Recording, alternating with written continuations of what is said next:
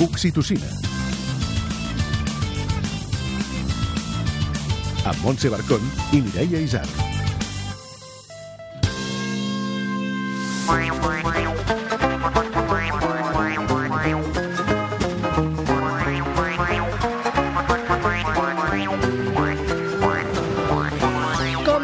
El Toni Cruanyes com a pare? Boníssim. Creus que explica els contes tan bé com les notícies? I tant. Avui ho sabrem al Tu Tots Tothom. Segur que a casa vostra sovint balleu amb la música del xiula, però sabeu que a més a més de fer discos i concerts tenen un projecte molt potent per combatre el bullying a les escoles? Avui ens el vindran a explicar. I en Xavi Cazorla ens regalarà un nou Maconi perquè riguem de les nostres Ai, penes. quina falta ens fa. Tornarem a tenir la periodista especialitzada en nutrició de l'ara Criatures, Trinitat Gilbert. Avui parlarà de compartir els àpats i acabarem amb el conte d'un minut. Això i alguna cosa més a l'Oxitocina! Tu, tots, tothom. Hola, sóc Antoni Cruanyes del Telenotícies de TV3 i amb el meu marit tenim un nen de 4 anys. Què no t'esperaves de la paternitat? No m'esperava que ser pare m'agradés tant, és a dir, que passar estones amb el meu fill i fer les feines que s'han de fer, que són des de tenir la roba planxada i preparada, despertar-lo al matí, preparar-li l'entrepà, eh, renyar-lo fins i tot quan es porta malament, no m'esperava que m'agradés tant, que disfrutés tant, que em sentís tan ple d'aquesta feina que és ser pare. Explica'ns una anècdota. Uh, el meu fill és molt empàtic i li agrada molt tot el que veu, llavors contínuament va canviant d'opinió i és molt divertit perquè quan veu un bomber té ganes de ser bomber i llavors estem una setmana o 15 dies que de gran vol ser bomber i tot el que sigui bomber li interessa. Després veu un policia, vol ser policia i ara portem uns quants dies, vam anar a veure un espectacle de màgia i ara contínuament explica que vol ser mag quan sigui gran, uh, està demanant tot el dia que el partim a trossos, uh, que fem trucs de màgia, quan veu un barret intreu, intenta treure alguna cosa de dintre, és, eh, és molt divertit.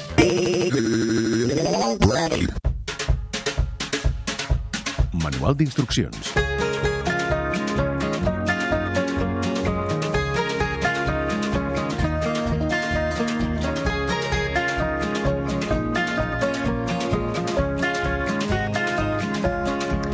Avui posarem música més que mai i ballarem i saltarem en família, però sobretot demanarem, a veure si ho dic bé, eh? Va, va, va, va tu pots. Respect. Yeah!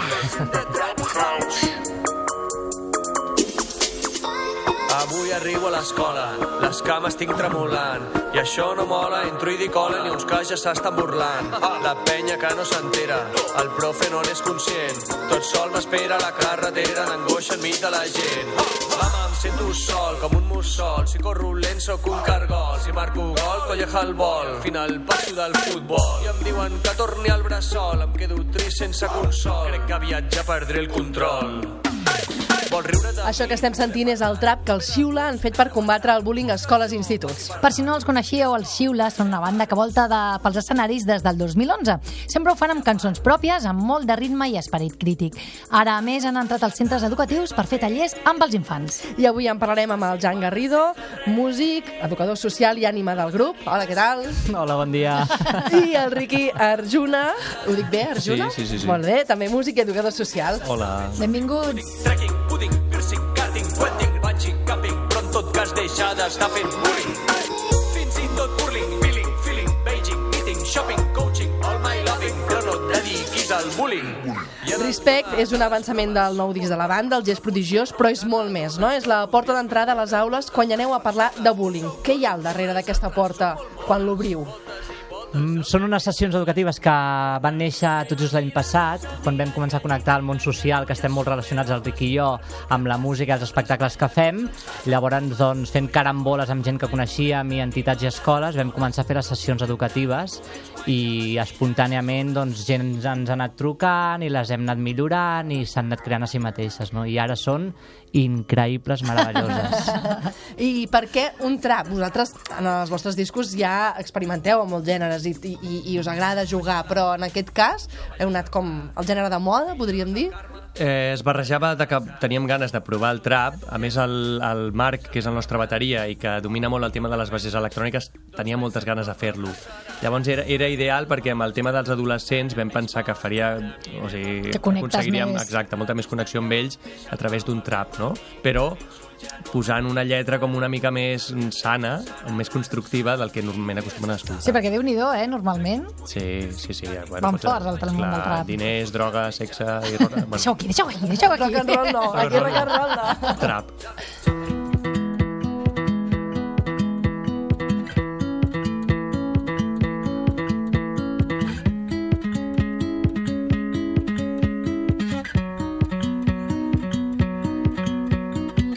D'amor, tantes parelles, tant romanticisme respirat. Vosaltres, com dèieu, sou educadors.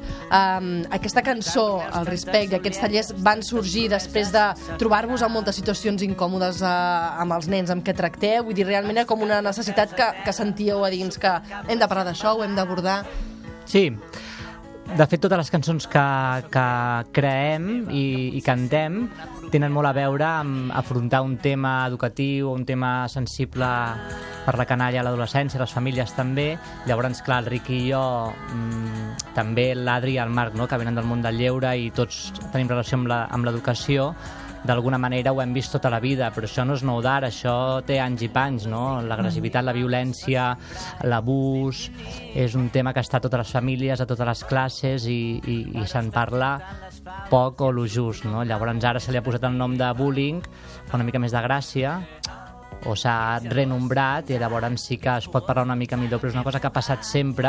No, és i que en- la violència és inherent a l'ésser és humà, no? i, i, de, i, en, i en teníem moltes ganes de parlar-ne obertament no? i de- i d'anar a- al territori, a les classes, a, a treballar amb els nens i les nenes. No? A partir de quina edat creieu que això s'accentua i fins i tot doncs, que les escoles, a partir de quines edats us demanen ostres, veniu a parlar d'això perquè tenim algun problema, necessitem una ens, ho- visió ens ho externa... estan demanant sobretot el que és el cicle superior de la primària, o sigui, 5è, 6è i doncs tota la ESO.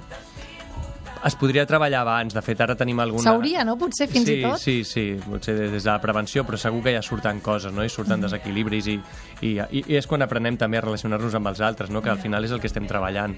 Llavors, ara, ara també en tenim alguna escola que ens ha demanat per fer tercer quart i provarem a veure què tal, però bueno, el que en, fins ara ens estan demanant molt és de quart fins a segon de l'ESO, sobretot. Clar, potser millor eh, abans de posar la, la tireta no, la vena, intentar fer prevenció, ensenyar a relacionar-nos bé i, i no haver d'anar-hi quan hi ha un problema, no?, a les aules. Sí, tant de bo tots i totes eh, ens arremanguéssim més a l'hora de, de mirar els assumptes propis, no? I amb això també hi ha l'agressivitat, agressivitat encoberta, l'agressivitat passiva, que vivim tots i totes i que es viu en el, en el món també i, i per múltiples raons i que nosaltres doncs, tenim la sort que connectem bé amb la canalla i podem treballar allà, però les mestres i els mestres quan ens veuen treballar i, i, i també experimenten cert moviment interior també s'emocionen senyal de que hi ha hagut violència i agressivitat també a les seves vides. No? Doncs ara volem que ens expliqueu una mica més com van aquests tallers.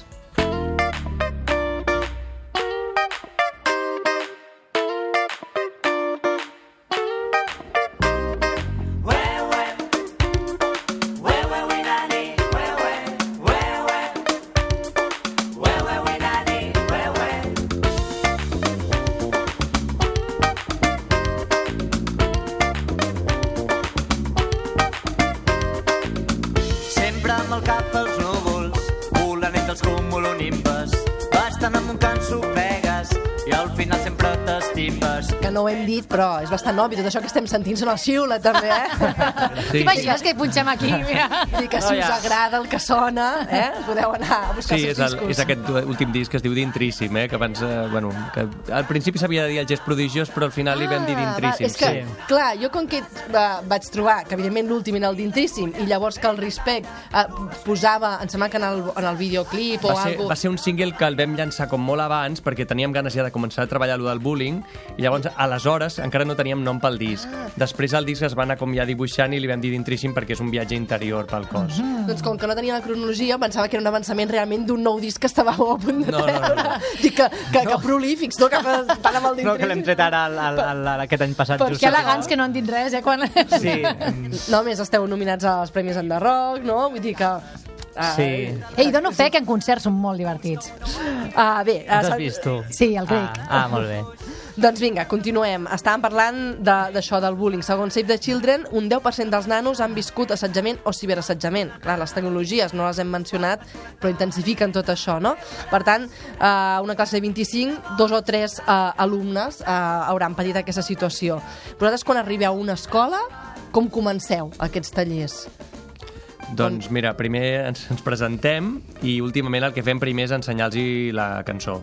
Una mica eh, també per captar la seva atenció i que vegin doncs, que el nostre llenguatge serà molt proper al seu, que vegin que hi ha com un interès, no? A partir d'aquí doncs, ens presentem tots i una mica expliquem com ens sentim en aquell moment, amb què estem, si ens està passant alguna cosa, i això és, bueno, és com una, una presentació bastant càlida, no? I després ja comencem les dinàmiques de, de grup.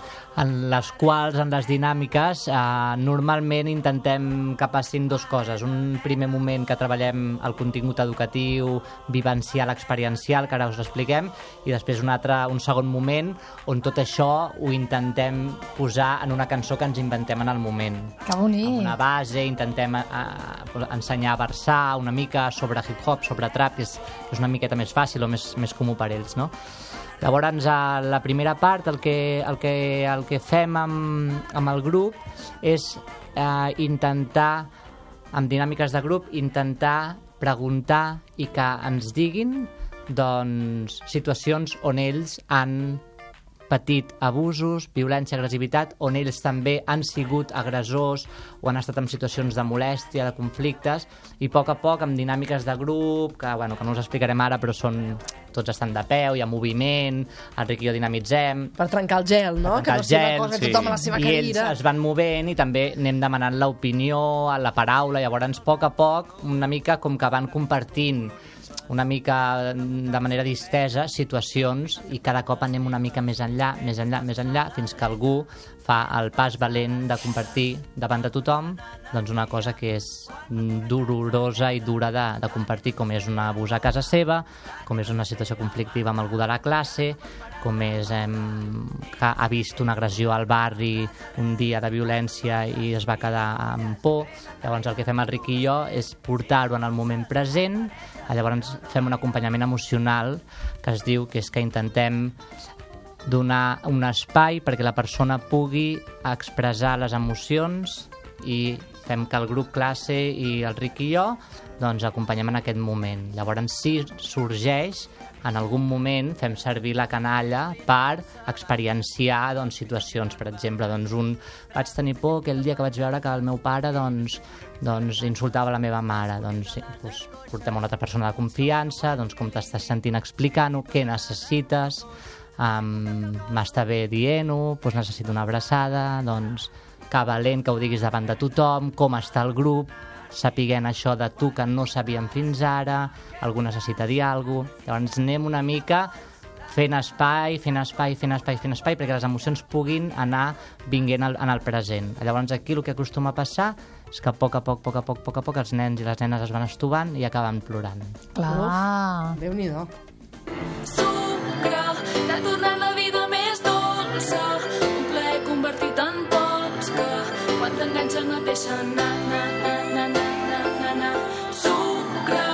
que no tot la dieta ja no puc, crec que a rebaixar, xa, xa, xa, xa, xa, xa, xa. I com aconseguiu aquesta comunió? Perquè, clar, sortir a dir... Fa tota molta la vergonya, l'adolescència s'hi Sí. suma la vergonya que ens faria nosaltres mateixos en una època de la, de la seva vida on la vergonya és molt present, no? S'ajunten dues coses, no? I és que nosaltres, el Ric i jo, som desconeguts per ells, no tenim el prejudici, ni el judici, ni el vincle, llavors, d'alguna manera, estem jugant tota l'estona amb el permís que ens donen ells per anar entrant o no anar entrant. I Quina escolta, eh? Heu de tenir. Clar, i llavors nosaltres anem jugant al joc, ni els pressionem, ni, ni tampoc doncs, passem de llarg. Senzillament, quan podem entrar, entrem, quan no podem entrar, no entrem. Això una. L'altra és que ells ens han vist a la pantalla i ens identifiquen com a músics. Llavors l'entrada ja la tenim una mica fàcil. Clar, no? sou I guais. Som guais, venen a l'escola, trenquem la dinàmica de, de la classe, els fem aixecar, entrem en preguntes i els nens i les nenes ens donen el permís perquè venim amb el cor el Ric i jo venim amb el cor obert, en el sentit que nosaltres Deveu dos... acabar també esgotats Bueno, tenim un, vosaltres. un moviment també interior i també ell i jo també hem anat a les habitacions pròpies i això mm, no es diu en veu alta, això va per sota. El nen i la nena sap que nosaltres podem estar acompanyant-los en aquest nivell i ells baixen perquè nosaltres també hem baixat. Llavors, clar, es produeix com un efecte, entre cometes, en cadena, de que una sent la crida de ostres, vull compartir-ho, és important per mi, nosaltres ho, ho recolzem molt, el grup classe mm, diu, ostres, i és, està passant, anem-hi. Llavors hi ha un moment que entrem directament al dolor, llavors el que fem és drenar, que es diu, que és ventilar el plor, ventilar la tristesa, ventilar l'agressivitat, llavors donem espai, que això és mm, extraterrestre, deixar que els nens plorin. Les mestres, quan ens miren, és com de 50, 25 estan plorant i vosaltres no esteu dient que no plorin, no esteu fent res, tranquil·les, podeu plorar tot el que vulgueu, estem aquí, us acompanyem, us sostenim. És que quina mania d'amagar el dolor, eh? De dir, no, no, no, això no està bé, eh, Sí. no s'accepta, no es treu, no se'n parla. Sí. Quina mania, grans i petits. Sí, llavors senzillament no fem res especial, donem espai.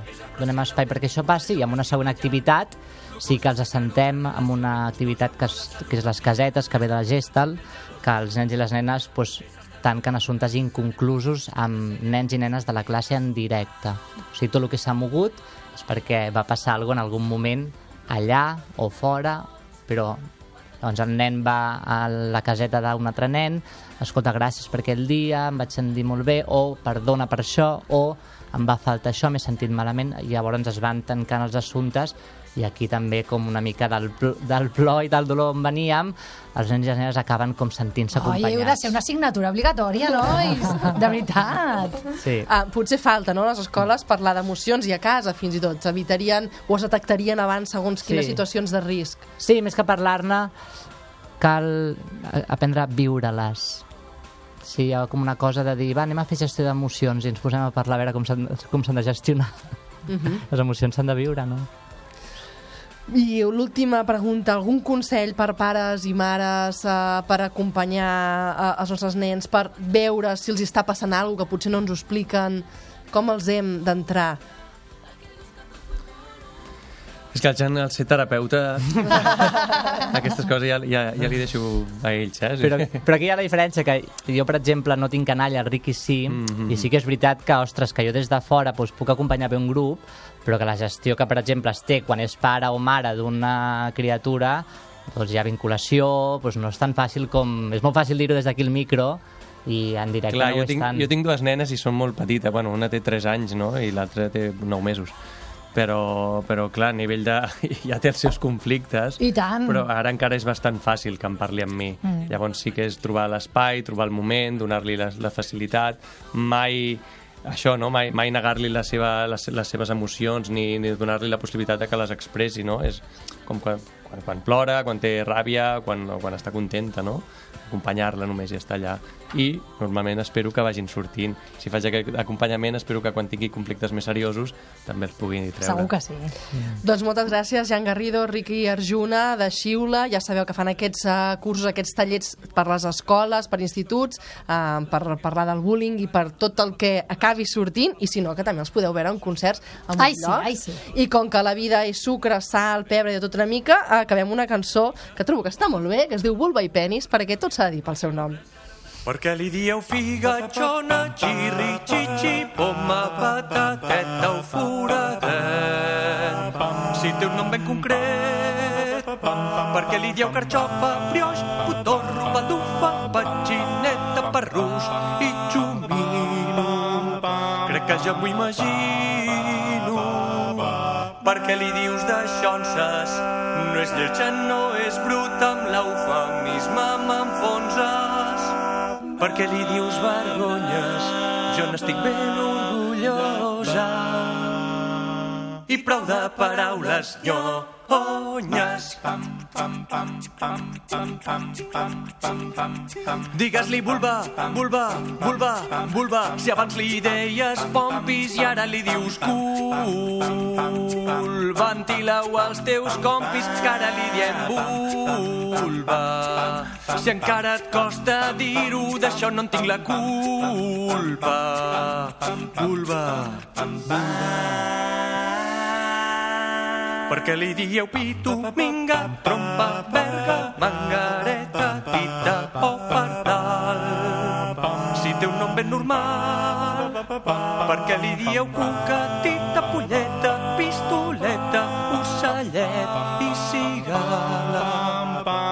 Tots a pic i pala. Perquè li dius d'aixonses, no és lleig, no és brut, l'eufemisme enfonsses perquè li dius vergonyes, jo n'estic ben orgullós. I prou de paraules nyonyes. Digues-li penis, penis, penis, penis, pensa que és bonic el que aquest mot desprèn.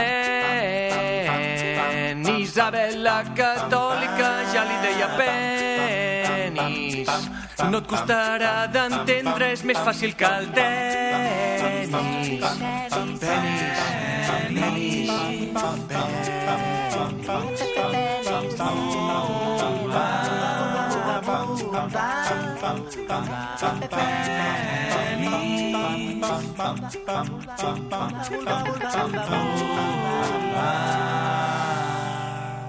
La Coni. Hi ha un tema del que no se n'està parlant, sí, un altre, sí, sí, sí. I un tema que els que són pares no t'expliquen quan tu ets a punt de ser-ho. És un tema tabú i afrontar-lo pot tenir conseqüències dramàtiques. És com obrir la caixa de Pandora. El tema és, per què a les meves filles hi ha aliments que no els toquen ni amb un pal si els hi poso al plat, però en canvi si me l'estic fotent jo el volen tastar, repetir, llapar el plat i volen aprendre fins i tot la recepta? És un tema que personalment em posa molt nerviós perquè a mi m'agrada molt cuinar i després encara m'agrada més menjar-me el que cuino. I quan el meu cervell fa una hora que es va fent a la idea que es menjarà una quantitat X de menjar, que la va visualitzant i va salivant, li costa entendre que per culpa de la gula desmesurada de les meves filles que no tenen sentiments, la quantitat que jo menjaré serà molt menor del que m'esperava. La cosa funciona així. Normalment a casa les meves filles sopen d'hora i a la que fan la última cullerada de iogurt, abans de que toqui la cullera amb la taula, elles ja s'estan despenjant, fent ràpel de la trona per jugar i apurar els pocs minuts que els queda abans d'anar a dormir. Moment que aprofitem la meva dona i jo per posar els nostres plats a taula i sopar tranquils.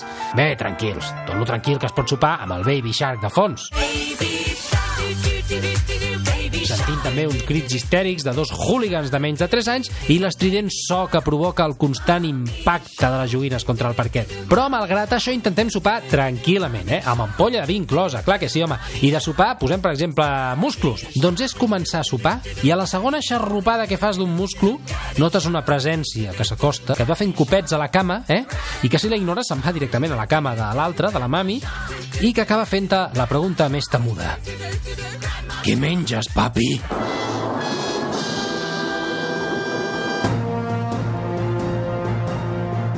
Aquí jo fa estona que ja estic suant perquè de la meva resposta depèn la ració de menjar que m'acabi jalant.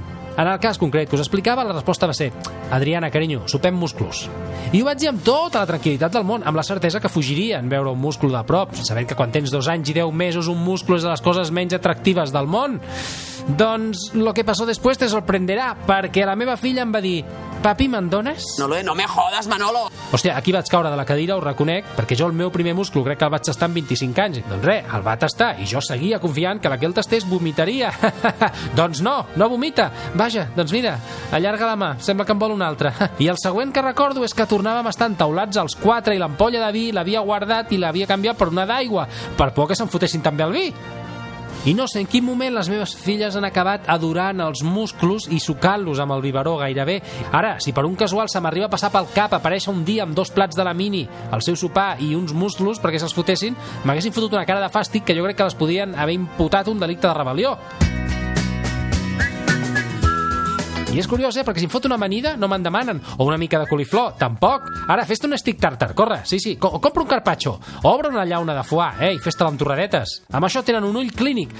I hi ha alguna solució?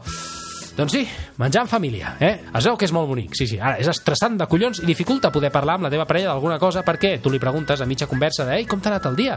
I quan t'està responent, doncs es cola el Mickey Mouse, la patrulla canina, Dora l'exploradora, un crit, un moc, tinc caca... Però a la llarga és molt maco i molt bonic sopar en família, sí. Bueno, no sé, això diuen les pel·lícules americanes.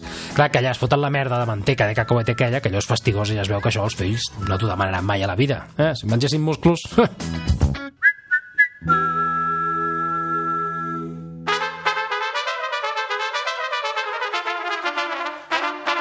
Dibuix lliure.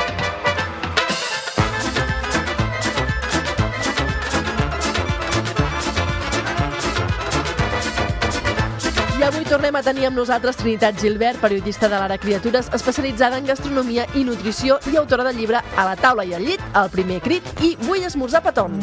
Ah, Trini, benvinguda en petó, per donar-te benvinguda. Moltes gràcies. De què ens parlaràs avui? Ai, a veure, esteu preparats? No ho sé, Preparades? no ho sé, després de la del mig plat de verdura a tots els àpats, no sé si estic preparada, però Ah, endavant. i l'has practicat, Montse? Ah, Mireia, música! va, sal- salva la Montse. Música! Par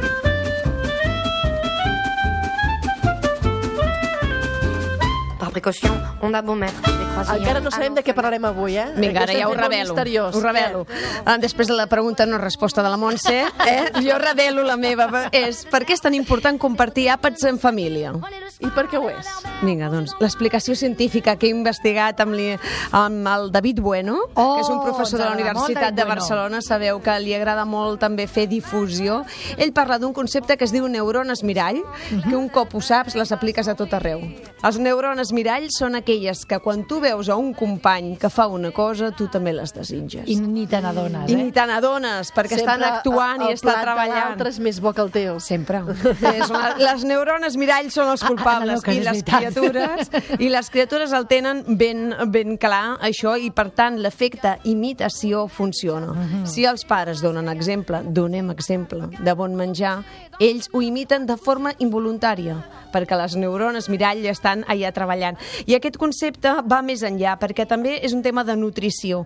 Uh, no només aprendran a agafar bé els coberts, a seure's bé, a saber-se netejar amb el, amb el tovalló, sinó que també aprendran el que és nutricionalment correcte, segons el que han vist les seves neurones mirall a casa i el que no. I, per tant, molts models d'obesitat per excés o per defecte, anorèxia i bulímia, els metges ho han relacionat amb aquest eh, eh, sistema après a casa. Si tu a casa ets de menjar qualsevol cosa a tota hora, amb molta ingestió, les criatures eh, tindran aquest patró. De fet, eh, malauradament ho veus en les famílies, no? Quan, quan alguns eh, tenen un patró nutricional estan els, tots Tota la iguals. família igual, Clar, eh? La Sí, sí, sí, parella, sí, tens raó. el, no? És Eh, que, eh, els fills... Els nens ho copien tot. I a vegades diuen, ah, són els gens, perquè els gens són de ser prims. Mm, no. No, és la Coca-Cola que et veus al migdia. Això és per treure's les culpes de sobre. I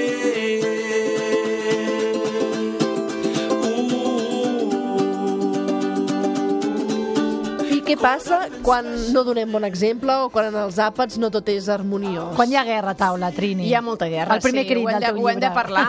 És que això ho hem de dir, no sempre s'està de bon humor per dir ara vaig a fer una masterclass de taula. És que eh, jo això moltes vegades ho explico. El dia que, que, que vulgueu que les criatures entrin a la cuina a ajudar-vos, heu d'estar de molt bon humor. Eh? Estigueu de molt I bon tenir humor. temps. I tenir temps, i t'ha anat tot molt bé a la feina, i t'has sortit rodó, i has tingut temps fins i tot d'anar al gimnàs. Ho tenim pelut, això, Aquest eh, dia no Trini? existeix, Trini. El dia que no funciona, doncs també som humans i dir-los, però la, re, la, la majoria el que s'ha de tenir és paciència i entendre'ls i saber que, que les criatures et rebutjaran les nostres fantàstiques verdures i el Sí, nostre sí. plat preciós que vam desitjar i que no dir-los no, val, no t'agraden les verdures, doncs no te les ensenyaré mai més, no funciona, sinó que és cada dia en tindràs i jo t'entenc, perquè sé que no t'agraden.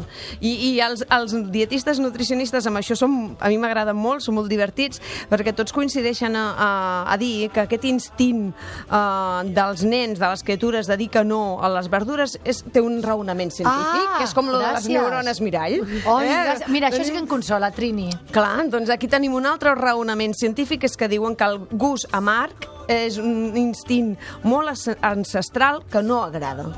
No agrada. Val. Per totes les verdures. Són, man, molt la majoria, pastanaga, la carbassa. la majoria, n'hi ha moltes uh, que tenen altres, uh, n'hi ha que són dolcetes, Mhm. no? Però la majoria, el primer gust és amarg. Les carxofes, per exemple, Clar, que els els adults, que els adults ens hi aparíem les mans Ai, sí, sí, eh, sí, i els sí. dits Els de carxofes. verds. Per exemple, amb els nens les rebutgen. En general, estic fent un patró general, perquè Mhm. després jo conec molts nens que se les mengen molt bé les carxofes, però el raonament és que aquest gust, en el cas de la carxofa fins i tot hi ha un concepte que entén perquè és amarga, que es diu cinerina, Ah. que és perquè això és tan amarga. Eh, ells ho, ho relacionen amb verí. El seu instint primari és que és verinós i, per tant, rebutja. I ara us pregunto, vau, vau anar a veure la pel·lícula Inside uh, and Out? Sí. Sí. Què, Asco. què li passava a la protagonista amb el plat de bròquil? Us sí, en que hi recordeu? havia el personatge que era eh, la fàstic, no sé com es deia en català. Quan a la protagonista li posaven el plat de bròquil al, al vespre per sopar, Automàticament... hi havia algú al dintre del seu cervell que feia el botó d'alerta vermella, eh, l'anava prement, i aquí fora, que això és verí. És aquest el raonament. Aquí lliga. Jo ho vaig veure, em va agradar molt, vaig dir quina manera més clara d'explicar-ho. Però llavors què hi podem fer, si hi ha aquest Paciència, mecanisme? paciència. Paciència i anar argumentant i anar dient, jo t'entenc, a mi també potser em passava, en el meu cas a mi em passava, jo les verdures crec que vaig ser bastant grandeta quan les vaig acceptar, uh, grandeta vol dir 20 anys, eh? O sigui que alerta, Sí, sí, sí. eh? Vull dir que no tots som un exemple de dir, ai, jo a la infància m'ho menjava tot, no, jo mateixa no ho era. Per tant, paciència, paciència, anar dient, jo te la s'oferiré cada dia, T'insistiré que cada dia en mengis un, una, ah. una. I a part, això eh, i és una idea també que, jo, que recomanem moltes vegades als cuiners, jo els he sentit, no conteu quantes coses mengen, no. Premieu que un dia hagi fet una forquillada. Has fet un bròquil, has fet una bret de bròquil, felicitats. Demà en aconseguirem més perquè jo t'entenc. Jo sé que aquest gust no t'agrada, però a poc a poc la- l'anirem acceptant. agradant.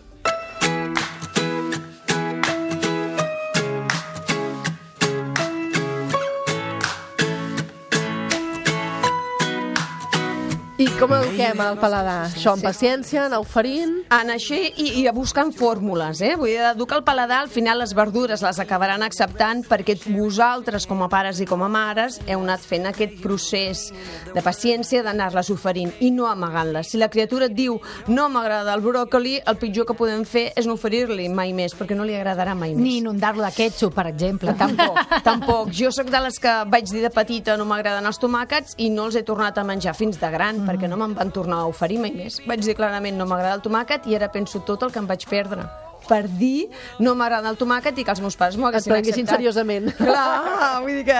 I llavors, la fórmula és anar insistint i també hi ha moltes tècniques culinàries que, que imaginatives per fer amb les verdures. Alerta, o- oblideu els bulls, els bullits, aquesta piscina d'aigua Ai, sí. on les verdures entren i queden escarrancides, sense color, doblegades, en forma de xiclet, que això no animarà les criatures. Busqueu textures cruixents, el punt aquell cruixent de la verdura els hi pot agradar més i per tant aquí tenim el vapor, tenim el wok.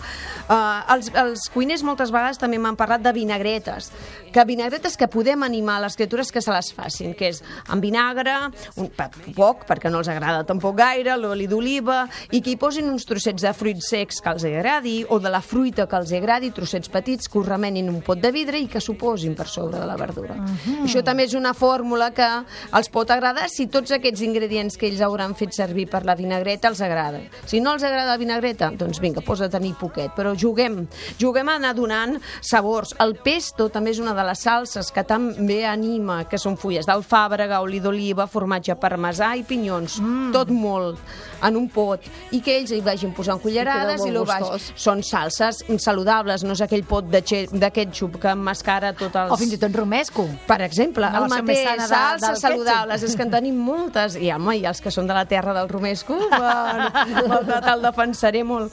I després, el que, la fórmula millor que us puc explicar avui és la, la que he après amb la, amb la xefa de parellada. Oh, en dono fe, eh? Amb un llibre que acaba de publicar, que es diu La cuina saludable, i que ella explica fórmules per facilitar-nos la vida. Jo que us deia, no sempre ens ha anat bé el nostre dia per tenir No. aquesta dosi zen de davant la taula, de no vols bròcoli, no passa res, t'entenc.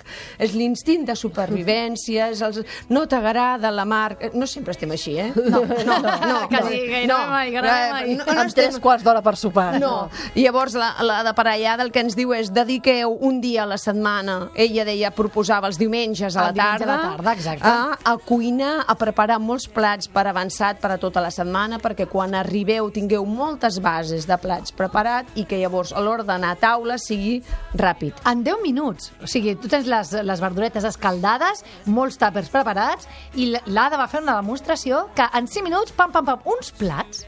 O sigui, que eres Clar, ella proposa, ella proposa els diumenges a la tarda, dediqueu-vos a sofregir ceba. Per Exacte. exemple, tindreu la base de molts plats. Dediqueu-vos a fer sofregits, també amb tomàquet. Vull dir, per una banda la ceba, per una altra de sofregit. Uh, prepareu arròs blanc per a tota la setmana, Clar. que també pot acompanyar aquest plat de verdures que després oferirem.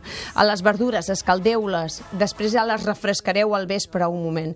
Perquè el tema de, del que costen els àpats en família és que a la criatura no li agradarà tot, però és que si tu a sobre t'hi has passat uh, una hora o hora i mitja Encara abans cuinant... Uh, La cuina sostenible, crec que es diu. La És un- cuina sostenible, és, exacte. És un gran llibre i, de Sí, veritat, senyor. us recomanem molt aquest sistema perquè ens farà a tots la vida molt més fàcil. Doncs gràcies, Trinitat Gilbert, per ajudar-nos també a tenir la vida més Ai, fàcil. Per tenir tots aquests conceptes científics, eh, per entendre les criatures. Oh, Intentarem gràcies. seguir els teus consells. You to have it all. Whatsapps desesperats. Hola, oxitocines, són les 5 i vaig a buscar la meva filla a la guarderia. Me la trobo normalment una mica cansada i tinc dues opcions. Si l'ajudo a dormir, després dorm uns, una mitja hora i està desperta a full fins les 10 de la nit. Si l'intento aguantar cansada, amb una mica de sort a les 7 i mitja dorm. Què faig? You work it out. Contes d'un minut. Hi havia una vegada un senyor, un senyor molt elegant i molt simpàtic, que quan sortia de casa sempre duia el barret o el paraigua i cantava el barret per si fa sol i el paraigua per si plou. I cada matí apareixia al televisor per explicar a tothom, a tothom, el pronòstic meteorològic. Pluja, vent, fred o calor, botes d'aigua o xancletes, guants de llana o parasol. Era un expert. Un expert en termòmetres automàtics, mesuradors digitals, multiradars i comunicadors celestials. Però resulta que estava més atent a tots aquells aparells que no pas a mirar el cel. I ja ho sabeu, que si no mires al cel, passa, passa que no l'encertes. Joan Faldilles i Armand, cançó de bressol per a un huracà i altres contes dormilegues.